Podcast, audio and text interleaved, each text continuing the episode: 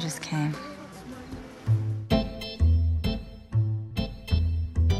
To ud af tre heteroseksuelle kvinder får ikke orgasme regelmæssigt, når de har sex. Oh. Right. That's right. Klitoris blev opdaget i 1998. 1998. It's just that all men are sure it never happened to them, and most women at one time or another have done it, so you do the math. Det er først i nyere tid, at det overhovedet blev tilladt for kvinder at føle og reagere på lyst. En dreng i 14-15 års alderen kan udmærket have kønslige følelser, have rejsning og unanere måske, Her i 2020 taler vi sjældent om sex, medmindre vi er fulde. mens mange piger slet ikke føler den trang til kønslig udløsning. De fleste af os ved ikke engang, hvordan vi skal omtale vores egne kønsdele. Men vi har brug for at tale om sex, og ikke mindst køn. Oh, yeah. Okay. You know what I think? Uh, I think maybe we're on different rhythms here. Alle køn. For Gud er der forskel. The women are having way fewer orgasms than the men are. Og måske trænger verdens lystfulde, tændte og samtykkende mennesker til en seksuel revolution. Go sit over there. All you get to do is watch. Kom du er en podcastserie om sex og lyst, inspireret af Christine Tits tegneserie Orgasmebogen. Lyt til den, og lyt til din krop. Den er så meget.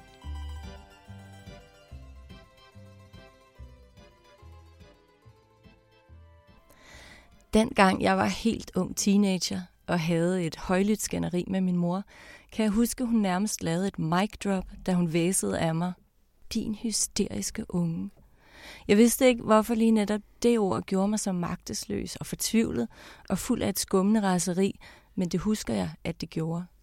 Det var som om, at hysteri var en dom, jeg ikke kunne komme igen på. Hvad jeg end havde af argumenter blev fejret bort med hysteriet. Når jeg den dag i dag læser om hysteri som historisk diagnose, der er blevet brugt til at undertrykke kvinders seksualitet med, og dermed kvinder som sådan, ja, så resonerer det. Ikke fordi jeg var et særligt historisk bevidst barn, men noget i min krop må dengang have fortalt mig, at den spændetrøje vil jeg fri af. Til at gøre os klogere på kvinders seksualitet, set gennem et par historiske briller, sidder over for mig Pia Fris Lanet. Velkommen, Pia. Tak skal du have. Pia er prisbelønnet forfatter, journalist og fortæller. Hun blev landskendt for bestselleren Lillis Danmarks historie, og hendes seneste bog, 1915, Da kvinder og tyne blev borgere, fik Weekendavisens litteraturpris. Så har vi lige sat en pind i dig. Okay, ja, den var fin. det var godt. Nå, altså, det jeg lige er inde på der med hysteriet, som jeg faktisk helt ærligt ikke anede var en decideret diagnose dengang, way back when. Kan du prøve at sætte mig lidt ind i, hvordan man kom frem til at, øh, at bruge det som diagnose over for kvinder, og hvad det betød? Ja, det, det stammer helt tilbage fra den, øh, de gamle græske filosofer, øh, som... Øh, altså, der var lægevidenskaben. Den blev udviklet der i de gamle Grækenland af Hippokrates. Og øh, det græske ord for, for livmor, mm-hmm. det er øh, hysteros eller hystra. Nå. Og der var en forestilling dengang om, at organer kunne vandre rundt i kroppen og forårsage altså forskellige former for sygdomme. Og eftersom at kvinder jo har en livmor, det har mænd ikke, mm. så øh, den særlige kvindesygdom, så hvor kvinder blev øh, utilfredse, fik hovedpine, kramper, altså alt muligt, som man betragtede som særligt kvindeligt, øh, det blev så forbundet med livmoren. Og de gamle grækere der, de mente, at livmoren altså kunne vandre rundt i kvindens krop og helt op i hjernen og øh, forårsage sådan nogle sygdomme. Men fik mænd ikke hovedpiner? Sikkert, men det har altid været sådan, at øh, de samme symptomer er blevet tolket forskelligt. Og det gør de jo stadig. Ja. ja. Altså, ja. vrede hos øh, kvinder kan den dag i dag jo blive kaldt hysteri. Ja. Altså, det er ret sjældent, man hører en mand er hysterisk. Ja, præcis. Det er meget kønnet ord. Ja, det er det. det, er det. Ja. Men, men hvad, hvad gjorde man så ved den her sygdom? Øh, ja, hvor skal vi slå? Altså, har den så eksisteret siden helt det ja, her? Ja, det har den, men der har så været forskellige former for behandling. Ja. øh, ideen om det der med den vandrende livmor, det blev opgivet, men vi skal ret højt op. Vi skal helt op til 1800-tallet, før Aleas vigtigste behandlingsformer, at det er overladning og brækmidler, og at man ligger til sengs og hviler sig. Lægevidenskaben i vores moderne forstand, den er altså ret ny. Okay. Og det er også der, hvor så øhm, altså gynekologien, at den udvikles. Og så får gynekologer en meget stærk øh, definitionsret på kvindelighed. Hvad der er den sunde og naturlige kvindelighed. Okay. Og, øh, og det øh, i, og, og det der er så, så, så øh, stærkt der i 1800-tallet, det er, at enhver form for altså seksuel øh, livlighed og lyst og drivkraft, det bliver defineret som en maskulin egenskab. Og det bliver altså moralsk betænkeligt, at kvinder øh, har lyst, har seksuelle lyster. Og For, det er ikke... Hvorfor egentlig? Ja. Når vi sidder altså, man det kan... her nu, ja. så får jeg lyst... Hvorfor? Hvem siger det, at siger, at det må være forkert for det her køn? Ja. At, at altså, have lyst det, at fylde nydelse? Det handler om, at... Øh, altså om patri- helt grundlæggende om patriarkatet. Jo. Mænd skulle have magten over mm. kvinder og børnene. Ja. Og hvordan skulle de dog vide, hvordan skulle de være sikre på, at barnet var deres eget, mm. hvis ikke de havde kontrol over kvinders seksualitet. Og det er en måde så gennem altså århundreder, og altså mænd tænkte jo ikke selv over, det blev sådan alment anerkendt, at kvinder havde meget mindre seksuel drivkraft end mænd. Og hvis de havde, så var det ikke tegn på noget godt. Nej. Altså, så var det altså ordet nymfoman, altså, som dækker over en kvinde, der har stærk seksuel drivkraft og lyst til flere mænd. Det var nærmest det værste skældsord, man kunne sætte på en kvinde. Brugte man tidligere kun det over for kvinder, ja. ordet nymfoman? Ja. Nå, det vidste jeg ikke. Ja. Det... Jamen, alt, alt, du siger, sidder nærmest og siger, det vidste jeg ikke. Ja. Det er bare dejligt. Ja. Så det var, og man kan se det også der i 1800-tallet, hvor øh, kvinder organiserer sig og ytrer sig. Ja. Der er den store sædelighedsfejde, der var i øh, 1880'erne i hele Norden. Den, øh, altså, hvor brændte så den, sådan ligesom de moderne forfatter gik ind sådan i en kamp for seksuel frigørelse, også af kvinder. Og det var jo rigtig pænt af dem. Ja. Problemet var jo bare, at der var meget forskellige vilkår, fordi mænd ikke bliver gravide, det gør kvinder. Mm. Og der er det helt tydeligt, at for eksempel øh, Brandes og nogle af de andre der, at de havde oplevet kvinder, der var seksuelt livlige og fik tilfredsstillelse. Mm. Men øh, øh, de ledende i dansk kvindesamfund, som jo har betydet utrolig meget for kvindefrigørelsen, de var slet ikke glade for det der. Altså, de brød sig ikke om, at, øh, at de synes ikke, at kvinder skulle seksuelt frigøres. Altså, fordi at det ville ødelægge familien. Og så du... det sagde feministerne dengang? Ja, det sagde de. Altså, de var faktisk bange for at, at tage ejerskab på seksualiteten, ja, fordi det, det ville ikke fremme kvind, kvindesagen. Jamen, ja. jeg forstår ikke helt, hvorfor var fordi det? at Altså det der med at have børn uden for ægteskabet, som jo, altså når man ikke har ordentlig prævention, så er ja. det en følge ofte af seksualitet. Nå, ja. Så det er den der sådan helt forskellige. Mm. Og de, altså, de havde simpelthen ikke lyst til... Altså, der var simpelthen en, en debat i dansk kvindesamfund, hvor det tydeligt fremgik, at de altså erklærede dame efter dame, at de sørger mig ikke havde nogen særlig stor seksuel drivkraft. Nej. Og det betragtede man altså nærmest som sådan en moralsk øh, hederstegn. Okay. Ja. ja. Det er helt anderledes end i dag. Eller rettere. Eller er det er jo det? ikke helt. Det er en hel del anderledes end i dag. Ja. Fordi det er dejligt, hvis kvinder har stor seksuel, øh, altså stor seksuel potentiale for sin partner, mm. men altså en seksuelt meget aktiv ung kvinde i dag med mange partnere, hun bliver bedømt mm. og Slut-shamed, yes, som vi nemlig. kalder det i dag. Ja. Og hun bedømmer sig selv helt anderledes, end Ja. når en ung mand gør det tilsvarende. Ja. Så det her rigtig, altså der sidder sådan en seksuel skyld på skuldrene af os som køn, Ja, som er svær. Skyld og skamfølelse, som er svær at komme af med. ja. Men vi kæmper. Den uvagte kvinde. I den vestlige verden er den uvagte kvindetype langt mere almindelig end den erotiske. Kvinder, der tilhører denne type, bliver tilsyneladende stående på et mellemtrin mellem barn og voksen. Håndbog i seksuel oplysning 1941 Men jeg læste også noget om øh, nogle behandlingsmetoder for det her hysteri, der kom til. Jamen, har det så været i starten af 1900-tallet, hvor der kom de her massager, som lægerne prøvede at, at lindre Det var i med? 1800-tallet. Det er Okay. altså en virkelig sjov historie. Der er også lavet en film om det, som Ja. hedder Hysteria. Den er, ret, den er faktisk sjov i, øh, i England. Altså fordi man kunne se, at kvinder de fik alle mulige øh, øh, symptomer. Altså på spændinger, hovedpiner, lammelser. Og lægerne havde en, en klar idé om, at det handlede om seksualitet. Men, men onani var Som kvinder ikke havde, men hvis de havde, så var de syge. Ja, og hvis de, altså onani var simpelthen, altså ikke for, lad mig sige det på den måde, ikke forplantningsrettet seksualitet. Ja. At det var, altså moralsk forbudt. Ikke lovligt forbudt, men moralsk forbudt. Ja. Og øh, blandt homoseksuelle, der, helt- der er der heller ikke forplantningsrettet. Så det var selvfølgelig forbudt. Ikke? Mm. Men altså, så det var moralsk betænkeligt.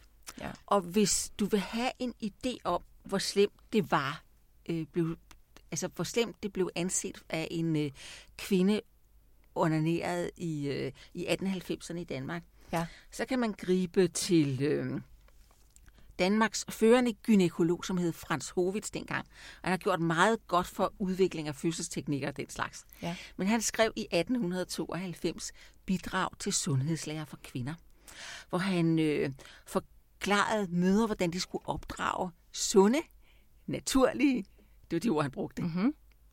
kvinder ud af deres døtre. Ja. Og punkt et, de skal ikke læse for meget. Fordi hvis de sidder for meget og læser, så øh, samler blodet sig i hovedet, og så bliver der for lidt blod til at udvikle underlivsorganerne. Og så wow. kan de blive sterile. Okay. Det er det rent sludder. La- var det noget, han lavede undersøgelser, eller, eller slynger han det bare ud som Altså, øh, hvis du noget vidste, faktuelt, eller? på hvor lidt vidensgrundlag, at Ja. de der læger udtalte sig om hvad som helst, Ja. især om kvinder, Mhm. så vil du, altså, men de betragtede det som videnskab. Og så, hvis, når de så nåede puberteten, hvis så, at, øhm, at moren fik øhm, mistanke om hæslige aktiviteter, det var det, han kaldte Ja. selvtilfredsstillelse, altså onani, Ja. så skulle hun først gribe ind med moralske belæringer. Hvis det ikke hjalp, så med daglige sædebade, altså hun skulle sørge for at få vasket numsen ren, mm-hmm. så det kløede.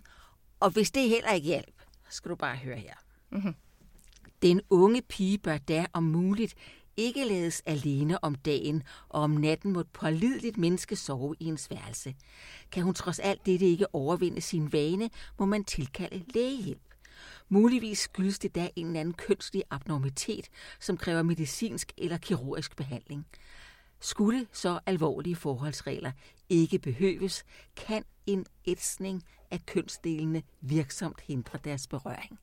Okay, så det tyr vi bare til. Og det tror jeg på.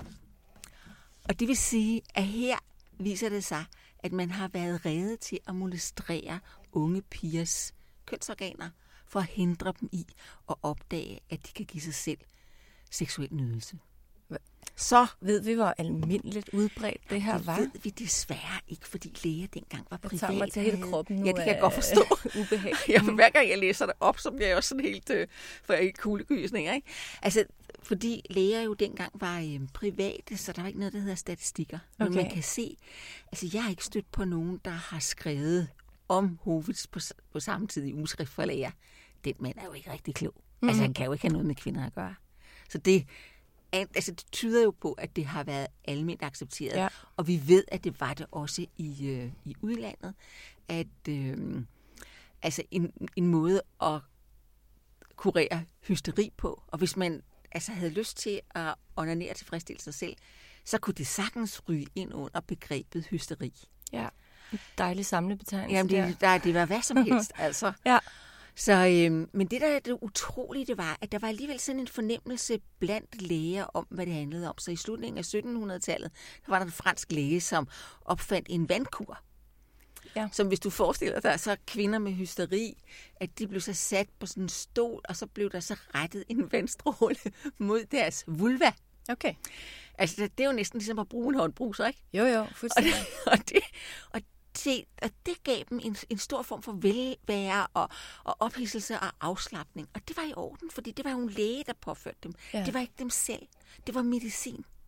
Og det samme var der så i, i England. Det er der, hvor jeg har læst nogle beskrivelser fra, at øh, der øh, altså lægerne simpelthen ordinerede bækkenbundsmassage eller bækkenmassage. Og det er lige præcis det, som det lyder som. Ja. Nemlig, altså, at en læge stak sin hånd op under skørterne mm. og berørte øh, altså kønslæberne og vagina og klitoris, og på den måde fremkaldte en orgasme, der kan kvinder, altså blev, de blev afslappet bagefter. Ja, fordi Men de det handlede ikke om sex. Nej, Altså, i, og Det var en og kur. Kvinder, ja, og kvinderne betalte for det. Man kunne godt kalde det for en form for, for prostitution, ikke? ja, Men altså, det, men det var jo læger. men det var jo læger. Ja. Så så længe det var andre, der rørte, Ja. så gik den. Ja. Men ellers så var Og det... lægerne var rigtig, rigtig glade for, at da så det første sådan elektriske massageapparat blev opfundet. Altså fordi- vibratoren. Ja, så kunne de jo ikke, så slap de for at få seneskedhindebetændelser. Ikke? Ja, man skulle også tænke på, at de skulle passe sig selv samtidig måske. De må vel gerne have solosex, mændene. Ja, da, ja, ja, ja, ja, ja. Så der, det kunne være altså, et travlt det- håndled, tænker jeg. Altså faktisk, nå ja, det er selvfølgelig rigtigt, den havde jeg ikke tænkt over. Men, øh, men altså, der var jo også forestillinger om, at, øh, at mænds onani, eller drenges, unge mænds onani, at, at det var sundhedsskadeligt. Okay. Altså, læs sådan en som øh, Olfert Ricard, som var den sådan store ungdomsfører for drenge i starten af 1900-tallet. Han har skrevet sådan en til den unge mand, hvor han også beskriver, han beskriver ikke i detaljer, hvad det handler om. Øh, men der, hvor det, altså, der fremgår det, at altså, hvis man bedriver selvtilfredsstillelse, så, øh, altså, så bliver man slap i huden, og man, uh altså, man synker sammen, og man får et flakkende blik, og altså, det, det er virkelig sundhedsskadeligt. Men går det lige så langt op i tiden, det her med at afvise, at mændene må have det? Eller Altså, det er blevet... bliver det mere til at Altså, det, er, det bliver langsomt. Det har aldrig været godt. Altså, det er for ligesom nogle været, af kønnene, der Nej, findes? altså det har altid Nej. været sådan en... en eller det, det, jeg tror, altså vi er over det nu, ikke? Altså, men vi skal helt op til 70'erne, før det ligesom bliver sådan... Altså, okay, det, er, det, altså, det er så okay. Ja. Jeg har faktisk sådan en øh, vejledning for unge fra 1962. Ja. Det var der, hvor man begyndte at vejlede. Altså tænkte, nu taler vi. Man har forsøgt at tige unge menneskers seksualitet ihjel. Det hjalp ikke. Nej. Så nu prøver man så at, øh, at tale den ihjel. Og der skriver den gode Hofmeier, som var en af dem, der var med til at gennemføre sammen med Kirsten Augen, som var læge, virkelig presset på at få, få indført seksuel undervisning i skolen. Han skriver sådan her om, øh, om, at der godt kan optræde efter kønsmodningen fornemmelser i kønsdelene. Og øh, det skyldes en vis blodtilstrømning til kønsdelene, som hos drengene medfører rejsning af lemmet. Den spænding, der derved opleves, kan man eventuelt selv udløse ved at kilde og gnide på kønsdelene, indtil spændingen når et højdepunkt, som afsluttes med en udløsning, som føles stærkt tilfredsstillende. Og der kan du høre, der er altså sket en ændring, for Mm. det beskrives faktisk. Men, øh, Var det her kun drengenes? Ja, nej, han skriver faktisk Eller både til det- pigerne og drengene. Okay. Men det som, han skriver så kun drengenes udløsning. Ja. Han beskriver faktisk ikke pigernes udløsning. Okay. Så pigerne har sådan siddet, hvad så, hvad, Hvad så gør med vi så? mig? Ja. Og jeg kan huske, øhm, altså, han siger, at man skal ikke kæmpe imod det, øh, fordi så kan det give nervøsitet. Men altså, man skal heller ikke, altså, øh, altså man skal, man skal altså heller ikke overdrive det. Og, og, og den rigtige form for sex, den kommer en gang, når, øh, når man er i et, øh, et parforhold, altså i et ægteskab, i det normale kærl, det normale kærlighedsliv mm. og normale seksualitet, den udfoldes, i, altså når der er kærlighed til stede. Det er det, de lærte i Okay. 62. Det var Ja. også det, jeg selv lærte i 60'erne i skolen. Frigiditet ved værnemæssig selvtilfredsstillelse. Kvinder, der vanemæssigt år igennem har foretaget selvtilfredsstillelse ved piring af klitoris, reagerer til sidst kun ved klitorispiring og opnår kun tilfredsstillelse herved. Håndbog i seksuel oplysning 1941 Men hvornår begyndte samfundet så at tale om en seksualitet, også for mennesker med en klitoris? Altså, at, at den fandtes, og vi begyndte at acceptere det. Hvornår skete det så? Jamen, altså man kan jo sige, at, at lægerne i 1800-tallet gjorde det. De synes bare, det var enormt problematisk, så man måtte finde ud af, hvad skulle man gøre med de mange kvinder, der ikke havde en ægte mand til at tilfredsstille sig. Så Ja. de vidste godt, den var der. Men Så de, kommer de Freud. så den jo som en sygelig ting, ikke? Ja, det gjorde de. Ja, Ja. Så, så er de vel heller ikke helt anerkendt, hvis de kommer derover Ej. i kassen for sygdom Jamen, altså, nærmest. det, vi skal højt op. Ja. Altså Freud, han, hans teori, altså han gav, tilkendte jo børn, altså mennesker en seksualitet, både piger og drenge, fra de var helt små. Mm. Men i den, altså man er lige ved at sige, perverterede udgave, at, øh, at den lille pige, at hun altså opdagede, at hun kunne tilfredsstille sig selv ved klitoris, men så det øjeblik, hun ser en lille dreng og hans øh, tissemand, så ved hun instinktivt, at det der kønsorgan er bedre. Og så øh, glemmer hun sin klitoris, og så venter hun bare på den dag, hvor en, en, en, en penis skal vække hendes vagina. Alrighty. Og, øh, Penismisundelsen der. Nemlig. Okay. Penismisundelsen, det blev enormt afgørende for forståelsen af kvinders seksualitet. Ja. Den eneste rigtige måde, som en sund og naturlig kvinde får, og, og moden kvinde, hun får orgasme på, det er vaginal orgasme. Punktum. Altså, der er ikke Mm. nogen. Og selv min, øh, min øh, jeg er ved at skrive en, øh, en biografi om hende, øh, virkelig en foregangskvinde, øh, Kirsten Augen, som blev doktor på en, en afhandling om undersøgelser over unge kvinders seksuelle adfærd i 1953. Det er den første seksologiske doktorafhandling i Danmark før Kinsey. Den udkommer samme år, som Kinsey kommer med sin kæmpe undersøgelse for USA. Okay. Selv hun, hun undersøger kontrover- kontroversielle ting, for eksempel om kvinder får orgasme. Og hun definerer orgasme på denne her måde. Eller rettere sagt bagvendt. Ordet frigilitet betyder følelseskulde, men som begreb i seksuologien bør det afgrænses til at betyde kolon, manglende evne til at opnå fuld seksuel tilfredsstillelse under heteroseksuelt coitus. Altså, du kan, hun, hun interviewer 316 kvinder. Ja. Nogle af dem, de får kun, øh, eller kun, de får orgasme, når deres mand berører deres klitoris, eller på andre måder ikke ved samleje. De bliver dømt som frigide. Okay. Det er kun vaginalt samleje, altså kun samleje, som er forplantningsorienteret, Ja. altså biologisk Ja. set. ikke? Men det var og er der jo masser af kvinder, der ikke kan. Ja, det har du da fuldstændig ret i. Så det, det er også var- derfor, det er så fortvivlet. Ja, Ja, ja. Og det er også derfor, at, øh, at i 1967 så udgiver Mette Ejlersen, hun udgiver den her. Jeg anklager århundredes forløjet kvindeverden, verden skabt og beskrevet af mænd for tid og kvinder. Hvor hun så siger, det handler om klitoris. Vaginal orgasme, det findes simpelthen ikke. Okay. Og det er, og, og det er, øhm, og der bruger hun så Inger Sten Heler, som i 1962 var det, ja, udgav Kærlighedens ABC, hvor de bruger Kinseys store undersøgelse øh, fra USA om kvinders seksualitet. Og Kinsey når frem til vaginal orgasme, det er der stort set ikke nogen, der får. Kvinder, de får klitorisorgasme, mm. og han siger direkte til mændene, mere mund og mindre pik. Tænk det selv. Ja, fedt. Og, øh, og det er derfra, der begynder at ske noget.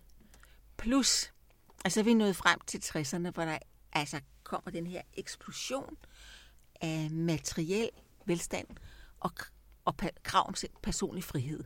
Og det greb kvinderne også, og krævede seksuel frihed. Der kom p-pillen, så at seksualiteten blev frigjort fra angsten for at blive gravid. Mm. Og så kommer der den fri abort. Ja. Og det er først derfra, hvor kvinder altså ligesom får altså, øh, mulighed for at have en seksualitet, altså uden at være angst. Altid angst for at være gravid. Ja. Ja. Det er sent. Det er rigtig sent. Hallo, jeg var 17 år, da der kom fri, fri, Ja. ja. fri abort. Ja. Altså, Men så læste jeg også noget, okay, fint. Fri abort, p-piller, hmm. så er vi på vej. Hvad, hvad, hvad så med, altså under øhm, i 70'erne, hippierne og hele sådan den frigørelse, der har jeg bare læst lidt om, at, at så meget fik kvinderne heller ikke ud af det. nej, det er jo det, der er så forbavsende, altså, fordi nu blev det bare muligt at altså, bolle meget mere uden konsekvenser. Ja. Men det gav jo ikke, altså, at have mere sex og fri pornografi og alt det der, betyder jo ikke, at man bliver frigjort. Der var stadigvæk utrolig lidt viden om, øh, øh, altså skammen over kroppen, den hang jo stadigvæk ved. Og øh, altså, kvinder og mænd skulle jo opdrage hinanden til nye former for, for seksualitet. Ja. Og, øh, og det halter stadigvæk. Altså, Ja. man kan jo se på sådan nogle undersøgelser, der er jo lige kommet den store sexusundersøgelse, hvor, øh, hvor det viser sig, at øh, jeg tror, altså det er to tredjedele af kvinder, som øh, sjældent eller aldrig opnår orgasme, når de er sammen med en partner, en mandlig partner. Ja. Og det viser jo, at øh, altså, nu er, altså, øh, man kan jo godt have det et, et, dejligt seksuelt liv uden at få orgasme. Mm. Men alligevel, altså, det kunne man godt gøre. Altså, man har bare sådan helt klart de der tal. Der er noget, der går galt her. Altså, folk må stadigvæk Der er have nogen, en... der ikke får talt sammen rigtigt om det, tænker man. Ja, måske. og de må have en virkelig traditionel forestilling om, hvad seksualitet er. Ja. Altså, den må stadigvæk være tilbage til det, jeg blev undervist om i skolen. Altså, med, der er, en, der er et, en, en stigning, og så er der en udløsning, og så falder den. Altså, så falder det igen. Ja. Ja. Altså, hele sådan en forestilling om, at man godt kunne lave sådan en stigning, et lille fald, en stigning, et lille fald, at man kunne, altså, i stedet for bare forspil, udløsning, efter, hvad så hedder det eller andet, efterspil. Forspil, udløsning, efterspil. Hvad er det der efterspil? Ja, det er så, at manden altså ikke bare lige må lægge sig om på siden og sove, ikke? Ja, okay. Eller række ud efter smøgerne. Mm. Men skal tage hensyn til... Eller at- remote controllen. eller remote control. ja, nej. Altså, der er sådan... Altså, det lyder som om... Eller når man kigger på de der tal, så tænker man... Altså, ideen om, at, øh, at det er vejen af hvilken, øh, der er det livgivende og skønne i seksualitet, det er der altså ikke rigtig fæset ind. Nej. Og hvis du sådan skulle sætte ikke tal på, men nogle ord på, hvor, hvor, hvor langt vi er fra den her ligestilling mellem kønnene og retten til at have en seksualitet. Hvor er vi så henne? Ja, altså jeg synes, at øh, alle mænd skulle have at vide, og alle drenge, at stort set alle kvinder opnår orgasme på en 3-4 minutter, hvis de onanerer. Sådan. Ja. Ja.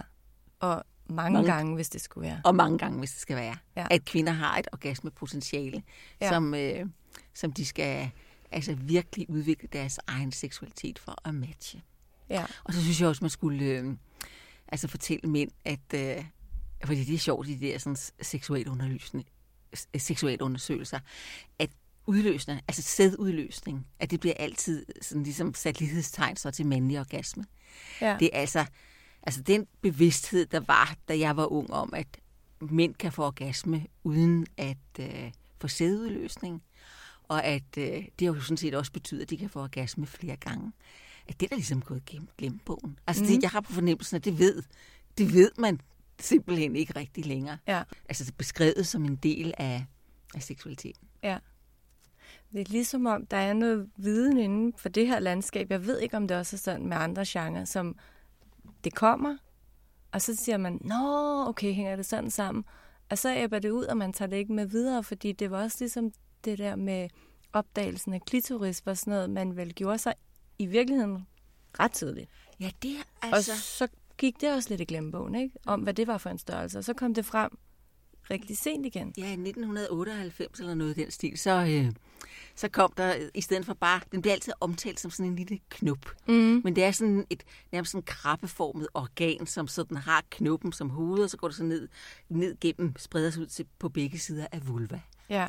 Og hvis man, altså som kvinde, ved man godt, at altså, kan man godt genkende de seksuelle følelser eller fornemmelser i den beskrivelse.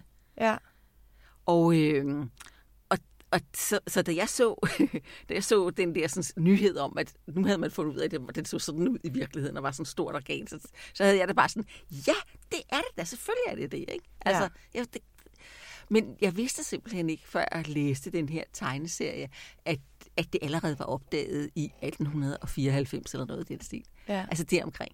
Og så der, er, der var den beskrevet og tegnet, og, og så øh, det har alligevel været for, for, øh, for vildt. Ja. Og for, altså helt i modsætning til den forestilling om, hvordan kvinders seksualitet burde være. Mm. Fordi det er jo det, der er gået galt, altså lige siden grækerne. Det var, at videnskabsmænd, at de forveksler, hvordan kvinder er, med deres egne forestillinger, samfunds, samfundets forestillinger om, hvordan kvinder bør være. Mm. Og det er det der, bør, kvinder bør være, at videnskabens beskrivelser af kvindelig seksualitet er blevet indrettet efter. Ja. Øhm, vi slutter på den note, og men den lyder sådan lidt trist. Ja, men, vi slutter øh, på et bør, men vi kan ophæve det og sige, øhm, nå, nu kommer der nogle nye skrivninger og nogle nye fortællinger. Ja. Hvor og det hele er jo ikke... fuld gang med det. Ja, det er fuldstændig. også. Ja. Tusind tak, fordi du kom og ville fortælle.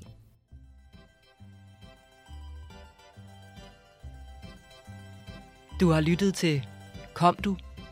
En podcast-serie om sex og lyst. Husk, at du kan finde mere viden om sex, lyst og orgasmer i Christine Tits tegneserie Orgasmebogen.